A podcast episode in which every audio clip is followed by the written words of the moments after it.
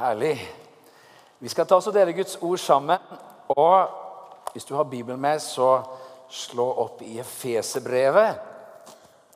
If you need English translation, there's headsets over there you can get. I don't know if you have Spanish translation today, but at least English translation. Så eh, det här gäller om, om skandinaverna på något sätt skulle känna att jag behöver hörlurar här nu med lite engelska. Det går bra. Vi blir inte arga på er, okej? Ta det inte personligt.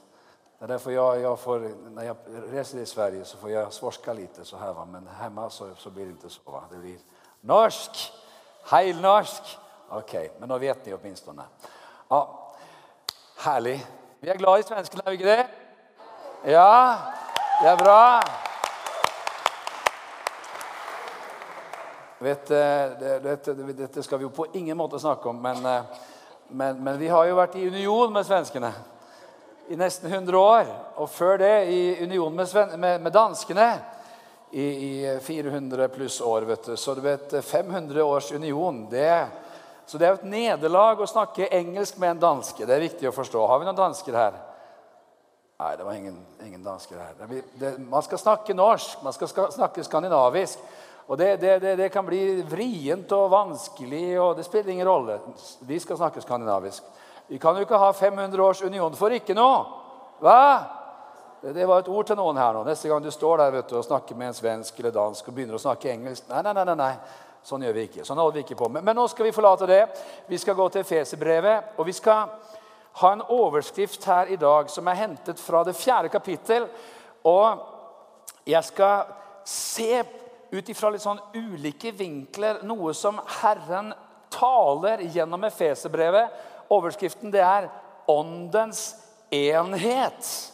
Og vi leser i Efeserne 1, i vers 22. Der står det Alt la han under hans føtter og ga ham som hode over alle ting til menigheten, som er hans kropp, fylt av ham som fyller alt i alle.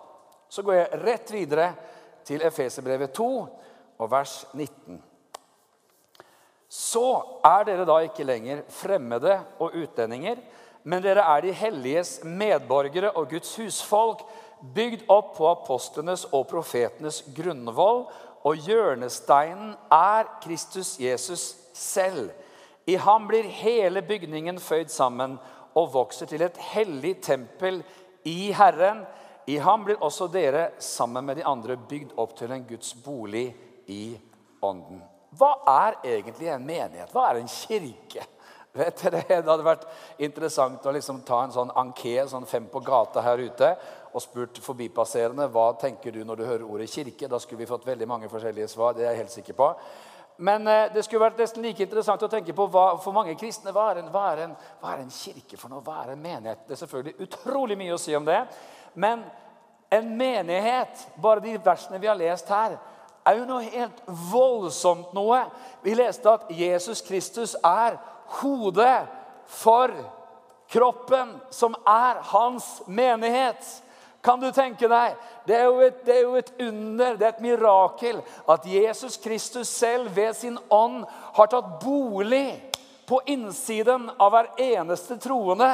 Wow! Han bor på innsiden av deg. Og sammen så utgjør vi kroppen hans. Yes! Det er, det, det er jo helt voldsomt. Hæ? Det, jeg, jeg, må passe meg så jeg ikke forblir akkurat i det verset her, for det er helt fantastisk. Og når vi da leser videre at det er en bolig for Gud i ånden, sammen bygges dere opp. Levende steiner taler 1. Peters brev om. Vi er en bolig for Gud. Altså stedet der Gud bor. Juhu! er menigheten. Yeah! Jeg mener, jeg vil være der, altså. Jeg vil være i nærheten. Jeg vil være, jeg vil være der hvor han bor. Du skjønner, Menighet det er noe fantastisk, det er noe vakkert, det er noe nydelig. Halleluja.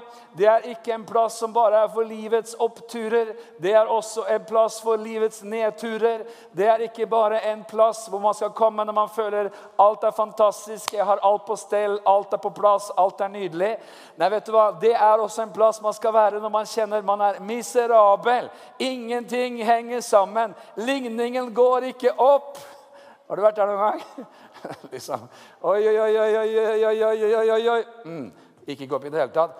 Menighet er et sånt sted. Du skjønner, Det er en bolig for Gud. Sant? Jeg vet ikke om du har vært i Hollywood noen gang. Jeg har vært i Hollywood. Og Da er det sånne, er det sånne, eh, sånne egne bussreiser hvor du liksom kan kjøre liksom, og få sånn guided tour gjennom Hollywood. Eh, eller Beverly Hills, da, selvfølgelig, hvor alle disse stjernene bor. Eh, og, og da, da, da, Man ser jo ingenting, stort sett. Man ser en eller annen hekk. ikke sant? Det, det er bare sånne ulike grader av høyde på hekkene. Eh, og så er det som sier 'And there lives' Og så kommer liksom da en eller annen Justin Timberlake eller Leonardo DiCaprio eller en eller annen stjerne som man liksom ja, men eh, Så ser du hekken hans, og så ser du neste hekk, osv. Så videre, sånn. Men, men, det er utrolig ikke sant, hvordan liksom, du har mennesker som, som liksom bare er sånne, sånne skikkelig ihugga fans. Som liksom står utenfor porten og sånn. For hvem vet ikke sant, om jeg kan få et glimt av karen når han kjører ut av sin mansion med liksom sine sotede glass og greier. Jeg kan få et glimt av han, så jeg holder meg i nærheten av hans bolig. ikke sant? For Man tenker at denne personen er attraktiv og spennende og alt mulig. Jeg mener, Kan du tenke deg menighet? da? En bolig for Gud. Og det som er herlig Vi får mer enn glimter! Det er nydelig. Vi får mer enn liksom en sånn Ok, vi så et lite glimt. Nei, vet du hva? Vi får lov til å smake og kjenne at Gud er god. Hans trofasthet. Amen. Så du vet, det er menighet. En bolig for Gud i ånden. Glory to God! kan du huske Michael Jackson var i Oslo? Noen som kan huske det? Det ingen som husker det, men han var i Oslo for noen år siden. Eh, noen som vet hvem han, han er jo død, vet du. Vi må jo spørre nå. Noen som vet, har hørt om han? Ja, Det skal vel vanskelig unngås. Men jeg vet at eh, det, det, det, var, jo, det var, jo, kaos vet du, utenfor eh, hva heter det, Grand Hotel. Eh, folk sto og skrek og hylte i dagevis. Og så, så, var det en gang som han gløtta på gardinen. vet du. Michael gløttet på gardinen. Det ble jo hysteri. Det var helt vilt i gatene. De så han jo ikke, men de så endelig. det kan jo vært rengjøringsdama som liksom gikk for å sjekke at alt var greit. Men det, det spilte ingen rolle. Alle tenkte 'Michael is in town'. Vi så en glimt bak gardinen. Men vet du hva? Det er jo viktig å skjønne. Det er jo realiteter at Guds hus, Guds menighet, er en bolig for Gud. Mm, mm. Er en bolig for Gud. Mm, mm. er en bolig for Gud. Er du med? Det er en bolig for Gud. Ja, det er jo bare liksom litt sånn allmenn folkeopplysning her, så vi vet hva vi snakker om.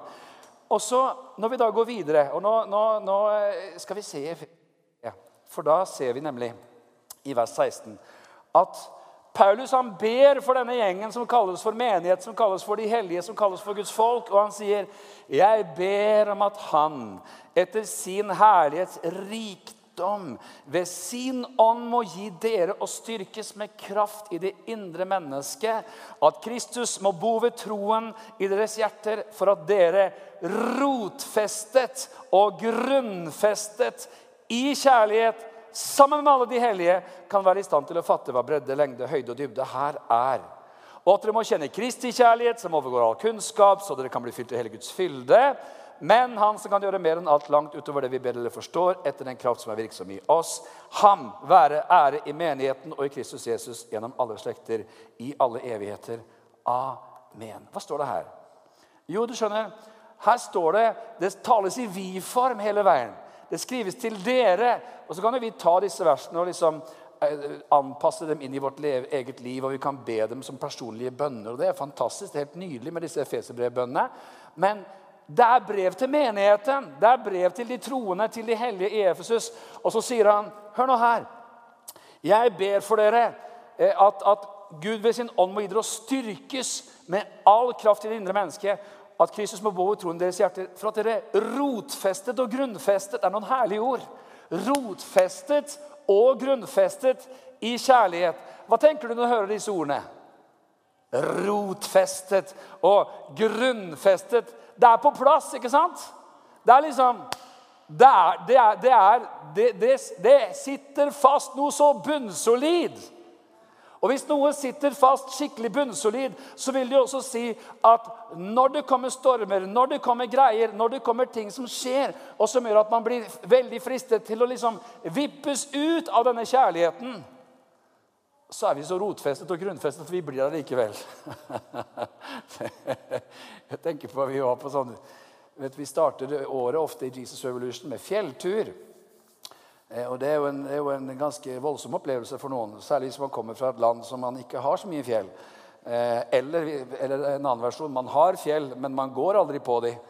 Så jeg har liksom vært med på mange av disse turene opp gjennom årenes løp og liksom hørt sånne kommentarer. liksom sånn, Hvorfor i alle dager skal vi opp på dette fjellet? Det er jo en norsk ting. det der. Altså, liksom, eh, bortsett fra fjellklatre og sånt. Det er jo sånn, I andre land så er det fjellklatrere og folk med oksygenutstyr og sånt som driver og drar på toppene. Mens liksom, i Norge så det, det skal liksom allmen, det er en sånn allmenngreie å gå på fjellet. ikke sant? Og det er jo herlig. Eh, vi syns det er herlig. Ikke alle syns det er like herlig. Vi blir jo sjokkert når ikke alle syns det er like herlig. Eh, men, men, eh, men ok, vi, vi har vært på fjellturer. Og da, da, hvor mange her har vært på fjelltur på, og gått hva heter det, det her, Besseggen og disse her? Hvor mange har gått Besseggen? vet du? Bare, altså, bare se rundt her hvor mange som har tatt, gått Besseggen. Altså, det er liksom In the middle of nowhere, Jotunheimen, fjell Halve forsamlingen har vært der, liksom. Det, det, det, er ikke, dette er ikke vanlig rundt omkring i verden. Liksom. Hvis vi hadde liksom, spurt liksom, hvor, hvor, mange har vært der og der på en eller annen fjelltopp liksom, Det hadde ikke vært i halve menigheten som hadde vært til stede. Men i alle fall, kjære, fy så mye detaljer. Vi går oss videre. Et år så ble vi så lei av Besseggen. Vi hadde liksom gått opp og ned på Besseggen. Til slutt så liksom gikk vi og gjespa når vi gikk på Besseggen. Det var jo kjedelig. Så vi tenkte nå skal vi dra til Rondane. Og der, der er det vakkert. Og vi var 80 stykker på, i telttur. Eh, ok, 80 stykker på telttur, det er en heftig greie. Og jeg, jeg kjenner Rondane godt. Vært der i årevis. Uh, gledet meg til å vise alle Jesus Revolution Rondane. Og så kommer vi dit, og det er så tjukk suppetåke som bare norsk fjellheim kan by på. Vi så to meter foran oss. Så jeg måtte liksom til og med vise sånne postkort. Sånn ser det ut her egentlig. Og alle italienere og franskmenn og tyskere liksom tenkte Sånn ser det ut her egentlig. Full oppakning. Og så, var det inn da vi liksom, du vet, ved, ved, Rondvassbu for lokalt kjente. og liksom Der hadde vi fått tillatelse til å sette opp full camp og, og greier og greier. Og så kommer uværet. vet du. Oi, oi, oi. oi. Det, og det regner. Og det høljer i strie strømmer, noe så voldsomt. Og så begynner det å blåse. Det begynner ikke bare å blåse litt, liksom. Og alle disse der stakkarene som har liksom satt av et år i Jesus Evolution for å tjene Gud, og sånn, som liksom tenker Hva er greia, liksom? I signed up to serve the Lord. Og så finner jeg meg selv liksom i en norsk fjellheim. Tåke, vann. Og så begynte det å komme sånne elver, vet du, sånne ikke-planlagte elver. Sånne elver som ikke var der i utgangspunktet. Og som selvfølgelig, du gjettet helt riktig, fant veien zzz, rett igjennom teltet og sånn. Det var noen som hadde flytemadrass. Det var genialt. For da liksom, de som ikke hadde flytemadrass, de, de hadde jo større problemer. Men, men, men, liksom, det var bare vått og kaldt overalt. Og så begynte det å blåse så kraftig. Og vi holdt ut et døgn. Vi tenkte vi gir oss aldri, vi gir oss aldri. Vi er på fjelltur, vi gir oss aldri. Det finnes ikke dårlige klær. Det fin Nei, det var feil. Det fins ikke dårlig vær, det fins bare dårlige klær. Og så videre. Sånn som bare nordmenn kan si. Og så Men så begynte det å blåse så kraftig, og så voldsomt kraftig, at disse her bardunene vet du, og disse, disse teltpluggene det ble som rene spretteter. Boing, boing, boing, boing, boing. Det blåste så heftig at liksom, vi hadde jo liksom kjørt disse her teltpluggene så langt ned vi bare kunne. Var ikke sjans. Vet du hva? Det var jo, kan, du, kan, kan du bare se for deg liksom, miljøet, liksom, atmosfæren det er ikke bare vått, det er ikke bare kaldt, det er ikke bare tåke, det er ikke bare alt som er kjipt på en gang. Men det er liksom å, Du må dukke for teltpluggene, liksom, som fyker av gårde i vinden. Da pakka vi ned. Da, da, da sa vi OK, folkens. Det her var fint. Mm, uh, always have a positive attitude osv. Uh, eh, sånn som vi holder på. Og så Og så måtte vi da rulle ned alle telt og liksom reise hjem med et, våte telt for 80 pers osv. Men hva er poenget her? Jo, vi trodde jo at det her med, med teltplugger at det var så rotfestet og så grunnfestet at det skulle tåle hva som helst. Å nei, du. Når det blåste hardt nok, når det røyna på heftig nok, så føk de av gårde.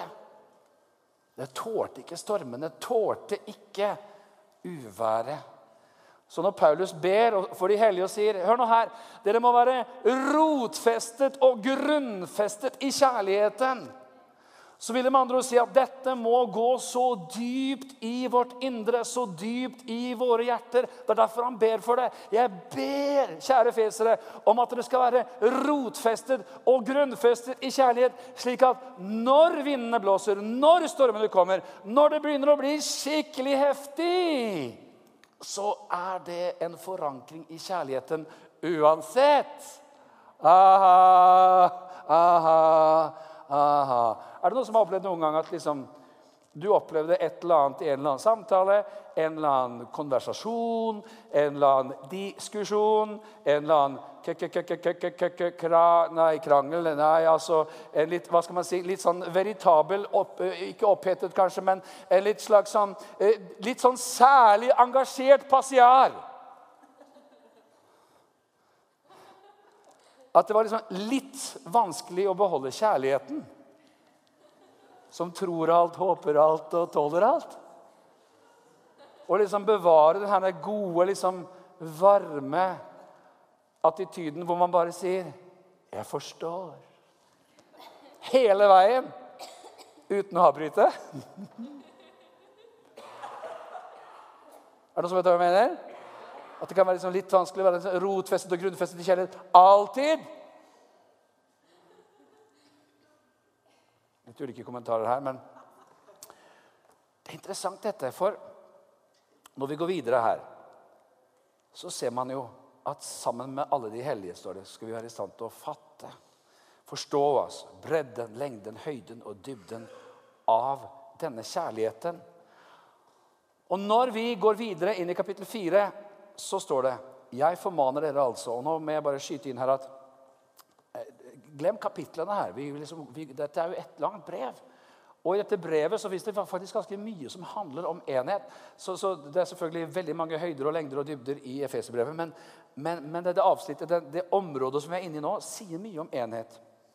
Jeg formaner dere altså, jeg som er fange for Herrens skyld, at dere vandrer slik det er verdig for det kall dere er kalt med han adresserer også menigheten. Vandre, leve, være sånn som det er verdig. Hvordan ser det ut? Jo, så står det med all ydmykhet og mildhet, med langmodighet, så dere bærer over med hverandre i kjærlighet.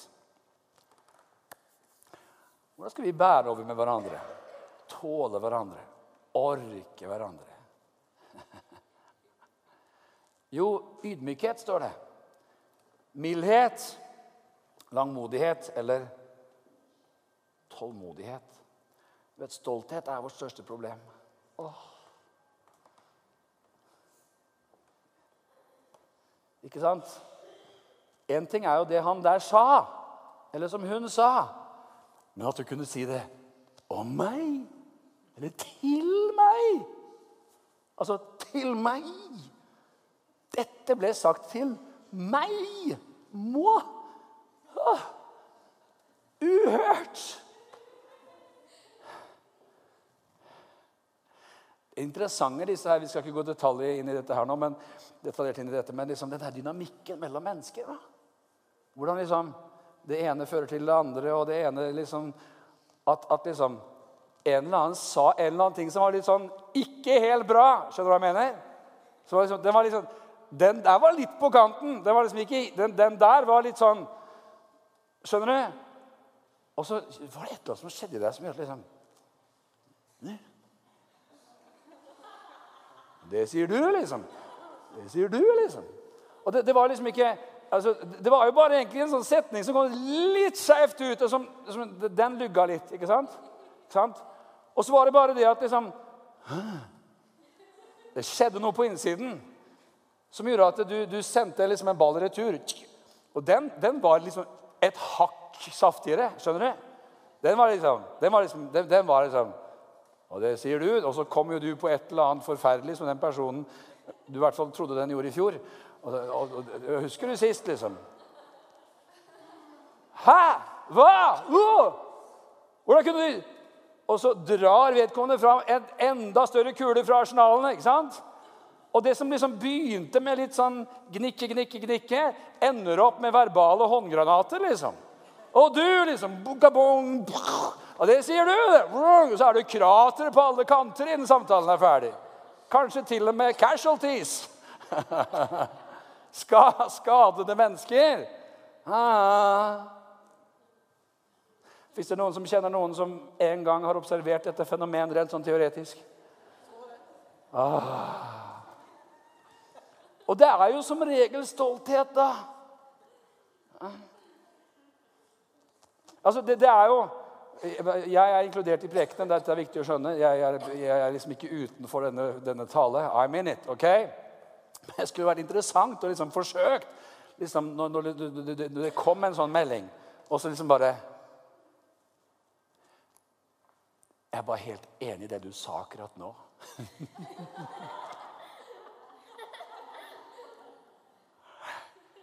det, sånn sier man jo ikke. For selvforsvaret stikker så dypt.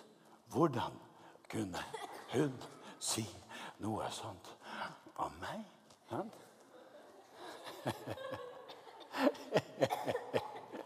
Man kan se for seg sånn emoji-utvikling i tekstmelding. Mange de snakker jo ikke med hverandre om dagen. De bare chatter og greier. Så Det starter med litt sånn skeivt smil, og så liksom ender opp et dødningehode ikke sant? innen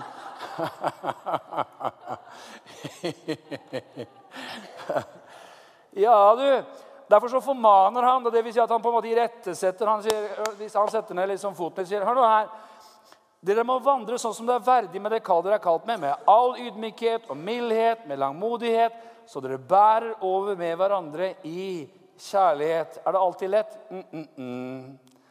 I en familie? Mm, mm, mm. I et fellesskap? I en menighet hvor folk er sammen år etter år etter år etter år. Og jeg skal si deg en ting, Det finnes mange menigheter i dette landet jeg er helt overbevist om det, som egentlig skulle vært en helt annen sted, som skulle vært så mye sterkere, som skulle kommet så mye lengre hvis man i ulike relasjoner hadde valgt forsoningens vei istedenfor å si Naha, og så fant jeg en annen sammenheng en annen menighet eller gjorde noe annet. Liksom. Hvis jeg hadde blitt forsont Tenk hva som kunne skje hvis jeg hadde blitt forsont. Tenk hva som kunne skje. Jeg ergrer meg alltid for at bandet går ned. Jeg bør egentlig ha de her, sånn som de har i noen sånne menigheter. her og der. Okay, ja. Gud står den stolte imot, sier Gud, sier Guds ord, men den ydmyke gir ham nåde. Ydmykheten produserer mildhet, som gjør oss tålmodige, som gjør at vi bærer over med hverandre i kjærlighet. Er det ikke interessant at det er lettere å være tolerant overfor egnes feil og mangler enn overfor andres? Hæ? Har dere merket det?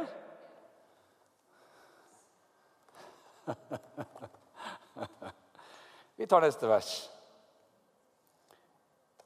Å legge vind på å bevare åndens enhet. Her kommer det ordet som er overskriften i dag. da i fredens sambånd. Dette er jo ikke sånn språk som man liksom kanskje bruker så veldig mye.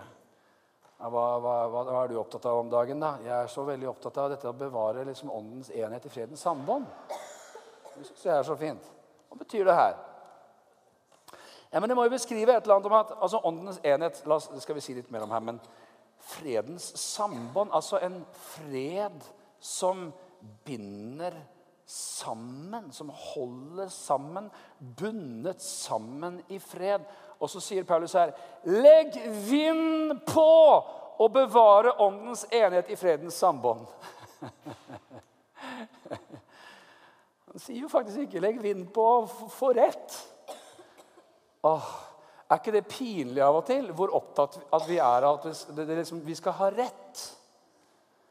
Og det, det verste av alt er jo sånne Nå er vi ferdig 25 år i år, vet du. Det jeg tar meg det. Altså, kan du, altså, kan du, kan du, at det går an, liksom. Om da sin livspartner forteller en historie om et eller annet som dere begge var med på, og liksom, så skal man liksom kommentere at detaljen der var liksom ikke rett. Ja, og så var vi der, så sitter, vet du hva mener? så sitter man der og snakker, og så sier den ene liksom, ja, og så dro vi dit, og så sto den der, og så var det sånn, så var det liksom bare to meter sånn. og så var Det sånn, Det var ikke to meter, det var tre. Eh, eh hva, hva, sa du nå? Det var tre. Eh, å ja, det var tre. Ok. Ja, ja. ja og så, så, kom, så, kom, så, så, sa han det, og så sa hun det etterpå. Og så sa Nei, det, det var hun som sa det først, og så sa han det. Dette er min historie. Den må komme fram sånn som jeg mente. Det, det, det er jo nesten fascinerende med mennesker. liksom. Det er ikke så veldig veldig forskjell fra litt sånn barnehagestadium, egentlig. ikke sant? Er, ordene er litt flottere og finere, og greier, men, men mentaliteten Gud bevare oss alle. Det er jo fascinerende, nesten. Hæ? Og da, da sier Paulus her Hør nå her, folkens. I det som kalles for menighet, hvor han liksom begynner å snakke om eh, hvor hellige dere er og utvalgte, og liksom eh, hvor salig og hvilken kraft og rikdom og herlighet og Det er veldig, veldig mye flott. Så, så sier han hør nå her, legg vind på å bevare åndens enhet. Liksom, det vil jo si at jeg kanskje søker fram mot å forstå. Altså, kan Jeg bare, jeg, tenker jeg får litt sånn undervisning på egen hånd her. Altså. Altså, man liksom bare tenker at man i stedet for å liksom, Det der var ikke sånn det var. Eller det du sa der, det forstår jeg ikke. Eh, det der er jeg ikke enig i. Har du lagt merke til at vi ikke alltid har skjønt 100% hva den andre egentlig mente? Har du lagt merke til en annen ting? At vi ikke alltid er helt perfekte sjøl heller når det gjelder hvordan vi uttrykker oss? Altså, Det er jo fantastisk. Man kan sitte i et eller annet møte. Det er tre-fire-fem mennesker rundt et bord. Og så ja, sier vi sånn, sier vi sånn, sier vi sånn. Er det med, folkens? Ja, så går det to uker, så, så, man, så møtes man igjen. Og så liksom Og hvorfor har ikke du gjort det? Skulle jeg gjøre det? Ja, men Vi var jo i samme møte. Vi satt jo snakket om dette her. Jeg trodde det var han som skulle gjøre det. Vet du hva jeg mener? Kommunikasjon er jo, det er jo eh, ikke så lett alltid.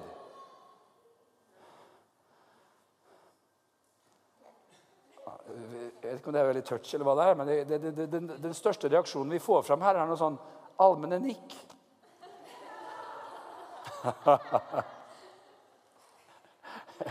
Alt folket sa.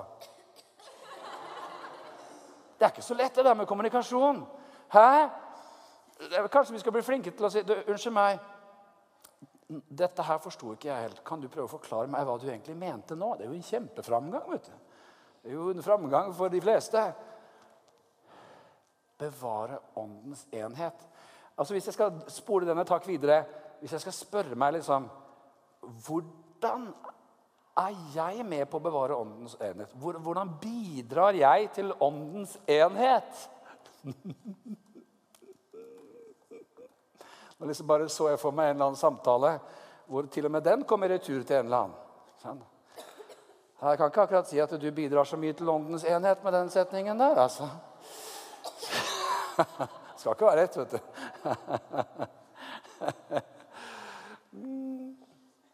Det her er ikke noe side dish. skjønner du. Det er ikke noe liksom siderett eller noe sånn ekstra rett. bare. Det er kjempeviktig. Fredens sambånd, ydmykheten, menigheten. Vel, jeg skal gå veldig last videre her nå, for det står videre i, i, i kapittel 4 vers 4 og så videre om at det er ett legeme, én ånd, liksom dere ble kalt med ett håp i deres kall. Én Herre, én tro, én dåp, én Gud og alles Far, Han som er over alle, gjennom alle, i alle. Men til hver enkelt av oss ble nåden gitt etter det mål som Kristi gave tilmåles med. Derfor sier Skriften han for opp i det høye og bortførte fanger. Han ga menneskene gaver. Men dette han for opp, hva er det uten at han først steg ned til jordens lavere deler? Han som steg ned, er den samme som for oppover alle himler for å fylle alt. Han er den som ga noen til apostler, profeter, evangelister, hyrder og lærere for at de hellige kunne bli gjort i stand til tjenestegjerning, til oppbyggelse av Kristi kropp, inntil vi alle når fram til enhet i tro på Guds sønn og i kjennskap til ham, til en manns modenhet, til aldersmålet for Kristi fylde. Hvert setning i Efeserbrevet er jo en preken. Videre i vers 14.: For at vi ikke lenger skal være småbarn og la oss kaste og drive omkring av hver lærdomsvind, ved menneskers spill, ved kløpt i villfarelsens listige knep. Sannheten, tro i kjærlighet skal vi alle måter vokse opp til ham som er hodet, Kristus. Ved ham blir hele legemet sammenføyd og holder sammen med hvert støttende bånd. Alt etter det som det er tilmålt hver enkelt en, og slik vokser det sin vekst som legeme til sin oppbyggelse i, i, kjærlighet. Det er jo nesten skummelt å skulle kommentere alt dette her, for det er så fantastisk. Men la meg kommentere to ting. i hvert fall. Hva står det her? Jo, det tales om å komme til modenhet. Det tales om å vokse. Det tales om å liksom komme inn. Og du vet, det som, det som er det som er liksom fascinerende med oss som mennesker, det er at det er visse ting som er veldig sjarmerende når man er tre. Og som ikke er så sjarmerende når man er 13. Som begynner å bli faktisk ganske pinlig når man er 23. Og problematisk når man er 33. Vi skal jo ikke gi noen gode eksempler her nå, men du kan liksom bare se for deg et måltid. og så tenke 'Å, nei, men så søtt, liksom, og så fint', og så greier. og så. Det finner sted en utvikling. Og på samme måte så er det sånn i Kristi kropp, i menigheten, at Gud vil modenhet. Halleluja. Åndens enhet har med modenhet å gjøre. Det står jo i ordspøken at det er en ære for et menneske å overse krenkelser.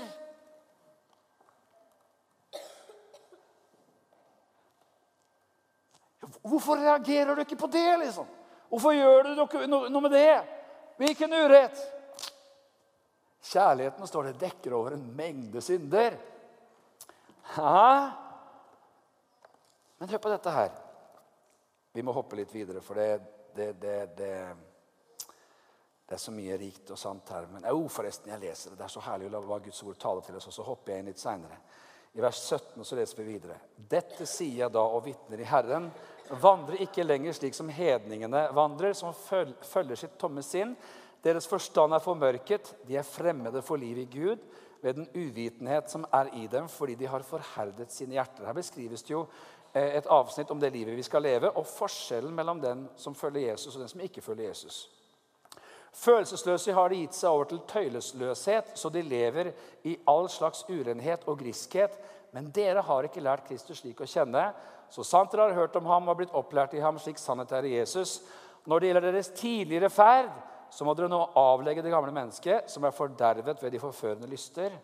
Men bli fornyet i deres ånd og sinn, og ikle dere det nye mennesket som er skapt etter Gud i den rettferdighet og hellighet som er av sannheten. Legg derfor av løgnen og tal sannhet hver med sin neste, for vi er jo hverandres lemmer. Bli vred, men synd ikke. La ikke solen gå nedover deres vrede og gi ikke djevelen rom. Her begynner det å bli veldig interessant. For hvis du har denne overskriften 'Åndens enhet' Han snakker fortsatt om enhet. Så kan man liksom se inn i hele dette avsnittet her at Hør nå her det finnes, i, I Guds menighet så finnes det noe som heter apostel, profet, evangelist, hyrde, lærere. Dette er tjenestegaver. De har fått en oppgave. Forkynne Guds ord, rettlede, veilede, oppmuntre, styrke. Så vi ikke skal være umodne, så vi ikke skal fare liksom vill hit og dit. Til alle strømninger og trender og alt som skjer.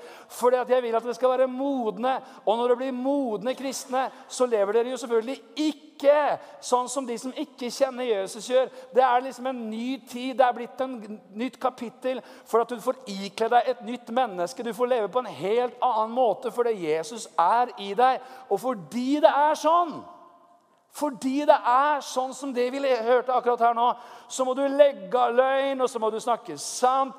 Vær med sin neste. For vi er jo hverandres lemmer. Med andre ord Så hva er løgn? Det var ikke liksom helt løgn. Det var ikke sånn tvers igjennom svart løgn, liksom. Men altså Men så er spørsmålet var det sant. Det var i hvert fall min oppfatning av situasjonen. Det står at vi skal legge av løgnen og tale sannhet fordi vi er hverandres lemmer. Skal vi si en ting? Er ganske mye selvskading i Kristi kropp. At man, man, man skader kroppen ved å tale ord. Negative, destruktive, nedbrytende ord. Ord som, som, som skaper konflikt, skaper, skaper kiv, skaper vanskelighet. Eller bare sår tvil om motiv, eller er med å skille Vet du hva Bibelen sier for noe i ordspråkene? Baktaleren skiller venn fra venn. Er ikke det fælt? Du liksom, har du vært med på det her noen gang? At du liksom lurer på Hva har skjedd i min relasjon der nå med henne eller han nå? Hva jeg vet, så har det ikke skjedd noe. Hva jeg vet, så er det ingenting sagt mellom oss. Hva jeg vet, så har ikke jeg fått med meg noen ting som har funnet sted. Men noen sa noe til henne om deg. Og plutselig så er det et eller annet som liksom Hva skjedde nå? Vet du hva jeg mener for noe? Er du med? Liksom, det var ting som ble sagt som ikke var sant, og som skiller. Mens i Guds menighet så er det annerledes. Guds menighet er nemlig boligen til Gud. Guds bolig stedet der Gud bor. Vet, alle, alle boliger har liksom sånne husregler. Har dere merket det? Det er sånn ulike ulike land og sånt. Hvis du kommer til Italia, og så liksom bare går du inn der, og så tar du av deg på beina som en god nordmann Så tenker italienerne ja, det han følte seg litt veldig hjemme, han karen her. Liksom. Skal vi alle behøve å Ja, osv. Eh, mens, mens i Norge så så, så liksom, hvis, hvis, noen kommer inn der og liksom bare går rett inn i stua di? Med, med vintersko og Det er liksom alt hva det er. Og du har liksom ditt vegg-til-vegg-teppe og greier. Og, så tenk For en type, liksom. Frekk type. Så må du ta av seg på beina menneske. Altså, det er litt sånn ulike, du, ulike husregler i ulike kulturer. Og sikkert innenfor forskjellige familier og forskjellige husholdninger også. at liksom, Det er litt forskjellig hva som er greit, og hva som ikke er greit. I Guds hus, i Guds bolig, der Gud bor, er det visse ting som er greit, og visse ting som ikke er greit. Det er visse ting som er greit, og det er andre ting som er leit. Ja, i Guds hus så er det annerledes. Og jeg er så glad for at vi får bo i det huset. At det er liksom, jeg kan, Det er ikke min stil, det er ikke min greie. Nei, Det som er så flott, vet du, det er f.eks. det som står her. Hva er dette her for noe? Nå begynner det å bli kjempepraktisk. For liksom Ok, bevar åndens enhet, fredens sambånd. Ohoi, nydelig. Hva betyr det? Jo, det betyr det her. Slutt å ljuge. Snakk sant. Og så står det i vers 26 bli vred og synd ikke. Hør nå her, det er veldig viktig å lese Bibelen i sin sammenheng. er det ikke det? Jeg ble så begeistret for noe jeg leste i Bibelen. Altså. Det står 'bli vred'. står det. Jeg synes det var så fint. Altså. Det, ja, men det kommer liksom noe etter der. da, ok? Du må ta med deg det også. Bli vred, men synd ikke. La ikke solen gå nedover deres vrede, og gi ikke djevelen rom. Vet, du, har du liksom vært på én vielse, så har du hørt det her verset. Sant? Så står pastoren eller presten, og så, liksom, så sitter så sitter den vordende hustru, den vordende mann, brud, brudgom. Og så står pastoren og sier Jeg vil så gjerne lese fra Efeserbrevet. Et sånt viktig vers for ekteskapet. Bli vred, men synd ikke. Og la nå ikke solen gå ned over deres vrede. Og så sitter bruden og syns dette er kjempehyggelig. Og mannen han, han hører jo ingenting. Altså, han, han han, han, han, skjønner ingenting, han hører ingenting. Altså, sånn, egentlig så taler, på, taler og sånt det er egentlig helt bort... Sånn. Jeg spiste det her. Men ingen, ingen bruder eller brudgommer husker en ting som ble talt i deres fester og greier. ikke sant? Hæ? De, de sitter jo liksom der oh, You and I Alle andre er liksom bare statister. ikke sant? De er jo til stede i rommet, de får lov til å være med på festen. og sånn. Men vet, det er brud og brudgom. Aha. Ja, men det gjelder selvfølgelig. Så, så, kan man jo tenke at det her er sånn, det er sånn ekteskapsvers. liksom. Så litt sånn vakkert, sånn småpoetisk. La ikke solen gå ned over deres vrede. Mm. Og du ser for deg sol. vet du. Du ser, det blir til og med romantisk da. vet du. Du ser for deg solnedgang vet du, og you and I og alt mulig. Ja, Men det her er et veldig praktisk vers. Han startet med å si i begynnelsen av kapittelet Hør nå her. Legg vind på åndens enhet. Og så, så spoler vi framover, og så sier han Hør nå her. Sørg for å gjøre opp hver dag for seg selv. Ikke la dagen bli ferdig før det er over. Det tales jo ikke bare om ekteskap. Det er et brev til menigheten. Han sier, kjære menighet, Ephesian Church of God. Her er det viktig at dere følger med på en ting. Ikke la liksom den onde få komme og røve, stjele, ødelegge greier. For neste vers er gi ikke, den, gi ikke djevelen rom. Vet og Det er litt sånn heftig vers. Man kan tenke kan kristne gi djevelen rom? Men kan han bli mørkere eller mindre? Hæ? Det er viktig å liksom ikke slå hverandre i hodet med skriftsteder nå. da, ok? Ja, nå, gir du, nå, gir du, djevelen eh, rom, Arne. Det må jeg si. altså. Jeg vet hva du gjør nå. Du bare gir djevelen rom, du nå. så skal du ikke holde på. Men vi får jo snakke her sammen der vi er på søndagsgudstjeneste at jeg kan faktisk gi den onde rom. Hvordan da? Ved å ikke gjøre opp innen dagen er omme. For det kan bli så utrolig komplisert. Om det der kjipe som du sa til meg i fjor Har du vært med på de samtalene her noen gang? Oh, det er, da fins det bare ett et ord som er dekkende, og det er det svenske ordet 'jobbit'. Det er jobbigt. Du sa det her til meg forrige året. Det var ikke bra alls. Og du tenker Hva sa jeg? Hva, hva, Og så sa du sånn, og så sa du sånn. Det er utrolig hva folk husker, du. Det er utrolig hvilken detalj. Man, man liksom tenker, Har de hatt recording? liksom? Har de liksom hva? Og så sa du det, og da sa jeg det, og så sa du det, så sa du det du sa i fjor. Og så har det blitt så Og du tenker jeg prøver å huske. Jeg vil så gjerne huske. Jeg, men dette, dette, her begynner å bli så fryktelig lenge siden. skjønner du. Så, så Husker du ikke engang? Du husker ikke engang. Er fint som du sa det var. Og så husker du ikke engang. For en type, altså. Ukjærlighet Er det et norsk ord? Ukjærlighet? Nei, jeg tror ikke det. Eh, men, men, men, Fy, så ukjærlig! Det kan man si. Ukjærlig. Ja. ja men du skjønner Problemet kommer og liksom, og, og Gjett hvordan djevelen har brukt de greiene der. da, At vi ikke gjorde opp det i fjor. At vi ikke gjorde opp det samme dag. Så holder den onde på. liksom. Og til slutt så kan jo liksom ikke du se mennesket uten at liksom han såret deg i fjor, han såret deg i fjor. Det var deg, han såret, det var deg. Han såret og, og, og, så blir det liksom bare større og større og større. større og større og større, større. Til slutt så liksom bare går du rundt der som et sånn bittert menneske. Han såra meg i fjor, han sårer meg i år. Han sårer meg til neste år. Det er det som skjer. Jeg såra, såra, såra. Sant? Skjønner du hva jeg mener?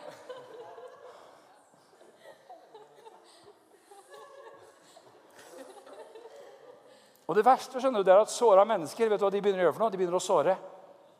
Åh. Det fins ingen som kan såre som sårede mennesker. Det er sant. Ja, de, de, vet, hvis du først er kan du se for deg krigsgreia. sant? Hvis du liksom først har fått liksom litt kutt og litt skrammer og greier, vet du, så du skyter på alt som beveger seg. Du kan tenke, Hvorfor kunne dette gode mennesket si dette? Hva skjedde nå? Sant? Han var så såra, skjønner du. Det ble ikke gjort opp. Og såret blir større og større, og til slutt så blør du deg i hjel i åndelig forstand. Og drukner i bitterhetens hav. Fælt er det.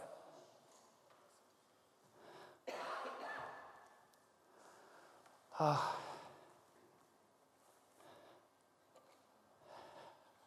Går det greit?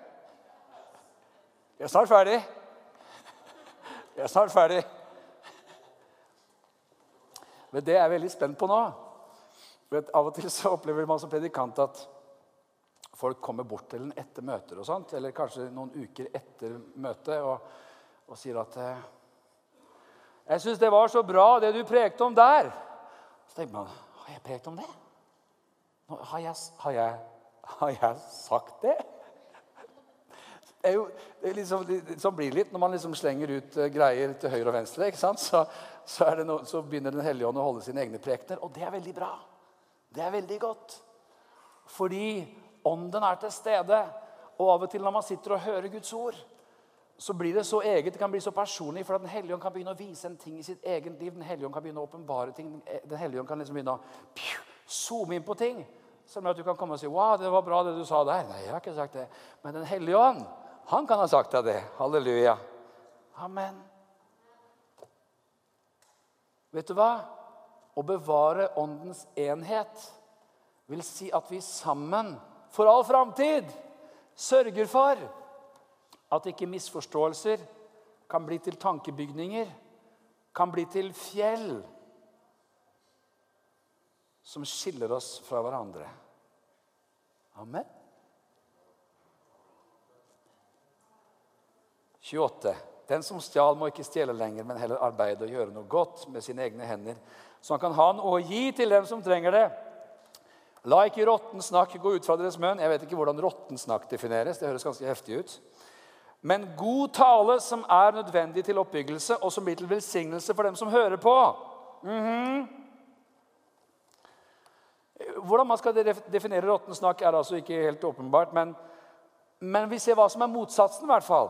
God tale som er nødvendig til oppbyggelse, og som blir til velsignelse for dem som hører på. Med andre ord, hvis jeg skal få være med på å bevare åndens enhet i en forsamling, i en menighet, så skaper jeg det, former jeg det, ved å tale gode, positive, oppbyggelige ord som styrker den som hører på. Vi er så glad for at vi har sånne disippelgrupper. Vi har en drøm om at menighetene skal gjennomsyres av disippelgrupper. Hvor mennesker ikke bare møtes på en søndag, men møtes i løpet av uka. Hvor det fins en medvandrer, og det fins noen å gå sammen med og være sammen med. For vi trenger hjelp. Vi trenger å hjelpe hverandre i å følge Jesus. Hjelpe hverandre til å være disipler av Jesus Kristus. Og Er ikke det fascinerende? Bare i en sånn liten gruppe med mennesker. Hvordan ordene skaper atmosfære. Ikke sant? Det er fascinerende. Og så, så, så, så, er det liksom blitt et sånt slags man skal, man skal være forsiktig med å si mantra i en kristen kirke. Men det er i hvert fall blitt et slags, sånt, et slags sånt ordtak som nesten råder grunnen i liksom norsk kristenhet. Ja, men du må for all del være åpen og ærlig. Sant? Vær nå åpen og ærlig, da. Jo, mye fint med det. Men det liksom, vil jo ikke si at du skal liksom la all gjørme du har på innsiden, komme fram til alt og alle. Hva? Ja, men Jeg er i hvert fall åpen og ærlig. Ja, Det er greit nok, men du er frekk òg.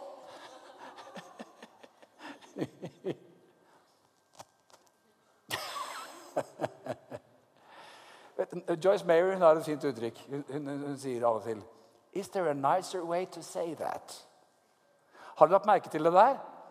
At folk kan ha helt rett i det de sier. Det er bare så fryktelig vanskelig å ta imot når det er så utrolig salt. Vet du hva jeg mener? Men det er utrolig hva man kan ta imot.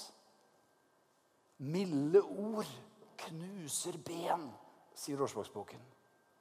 Milde ord. vet du. Jeg har brukt dette eksempelet før, men jeg tar det igjen. Det er helt nydelig. Ha! Jeg har en herlig svigerfar. Han er mild. Han er mildheten selv. Vet du, liksom Herfra til evigheten nei, Kanskje ikke evigheten, men i hvert fall resten av livet, så, så liksom får det bli litt mitt, mitt mål i livet å bli så mild som Kjell Kobberdal. Og kan du tenke deg, vet du en, en, en, fyr som skal gjøre alt så fort som det bare går an, og som låner raka til svigerfar, og som raker og, og, og, greier og fikser og ordner, og, og så knekker han. vet du. Jeg knekker raka hans. Har jeg tid til å kjøpe ny? Har jeg tid til å fikse det? Nei da. Vi var naboer, da. Det var 50 meter mellom husene. Men liksom, der ble den stående, ikke sant? Og neste, neste gang svigerfar kommer for å ta, så er den ikke brukelig. Så kommer han da og treffer meg i hagen et par dager etterpå og sier Stefan, kan du tenke deg å ha sånn svigerfar? Jeg tror faktisk ikke du egentlig forstår hvor sterk du er. Virker som en kjempekompliment. Så du vet, du, du, du er veldig sterk, du. Så det Så det, det, det, det, må være spesielt på en måte å liksom være så sterk. Ingen referanse til Raka. ok? Og jeg går der og tenker liksom Wow, liksom, wow svigerfar syns at jeg er skikkelig Og så sier jeg Raka.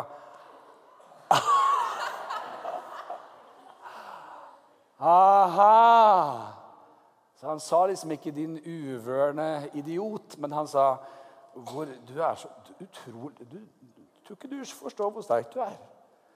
Ah, sorry. Jeg, jeg, mm, ok, Pass litt på og ta et hint og fikse opp på orden. Det, det, var, det, var, det, var, en sånn vakker irettesettelse. Hæ? Jeg tok det Nå er kulturer veldig forskjellige. Vi skal passe oss for å gå videre her nå. Vi må faktisk avslutte prekenen veldig fort. Men, men kulturer er jo kjempeforskjellige. Det, det, er jo, det er også et problem. Altså I Norge så vi, vi, vi, hever jo ikke røsten i det hele tatt. vet du, sant? Der vokser vi opp i et land som har sånne uttrykk som innestemme og utestemme. Det fins ingen andre land som har sånne uttrykk som innestemme og utestemme. Men det vokser man opp med i barnehagen. Nå er det innestemme, folkens. Ikke noe nå ble det litt sånn utestemme inne, og det er ikke bra. Så, og så går liksom fireåringen og liksom, Nå ble det utestemme inne, og det var ikke bra. Nå må vi liksom ta oss og dempe oss litt her, for nå blir det sånn her. Og så har du andre kulturer. Liksom, det er liksom jeg, jeg, var, jeg vet ikke hvorfor det ble Italia her igjen og igjen, men men jeg husker jeg var i Italia, og det var jo et uh, trolig mann og kone. De sto på gata. Og det,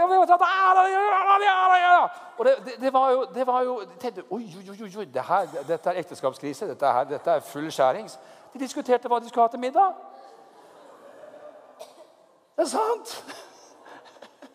Så, liksom, så det er jo, og da, Hvis man da er i flere kulturer eller har ulike personligheter, så kan det da liksom bli litt ekstra krevende å bevare åndens enhet i fredens samband.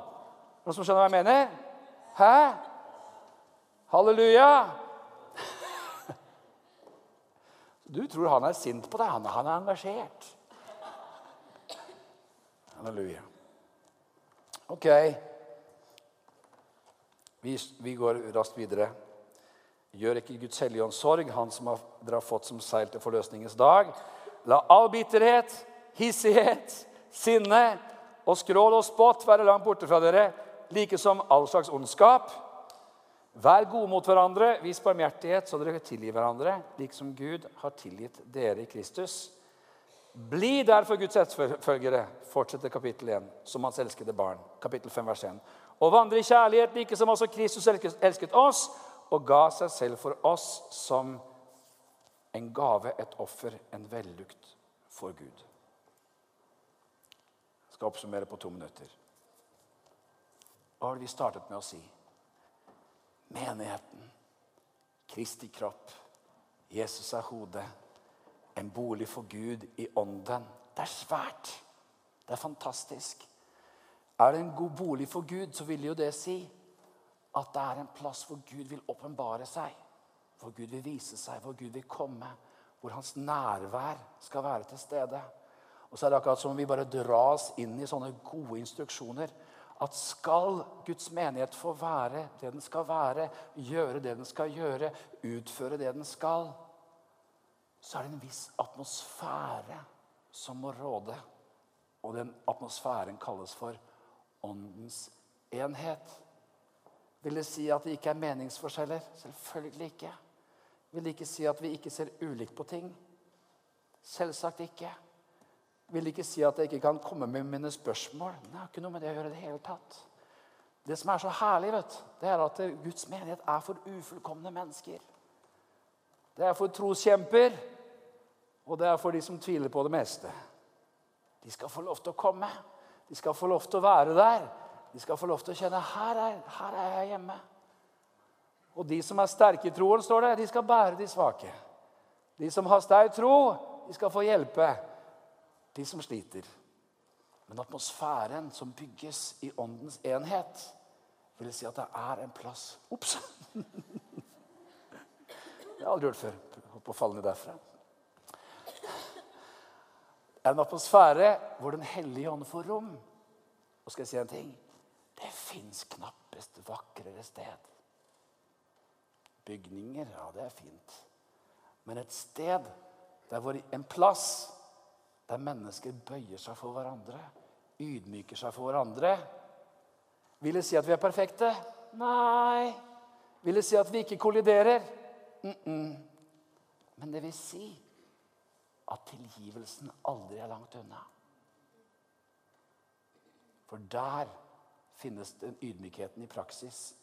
Ydmykheten i praksis, den heter 'Kan du tilgi meg'?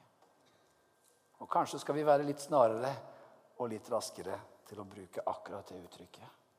Så er vi med på å bevare åndens enighet. Vi står opp, alle sammen.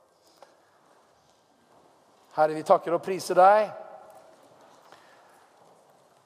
for Den hellige ånd som du har gitt oss. Takk for at når vi får lov til å feire nattverd sammen nå, så er det et enhetens måltid. Det er ett brød, og vi er mange, mange som er del av det samme brødet. Herre Jesus Kristus. Vi vender hjertene våre til deg. Halleluja.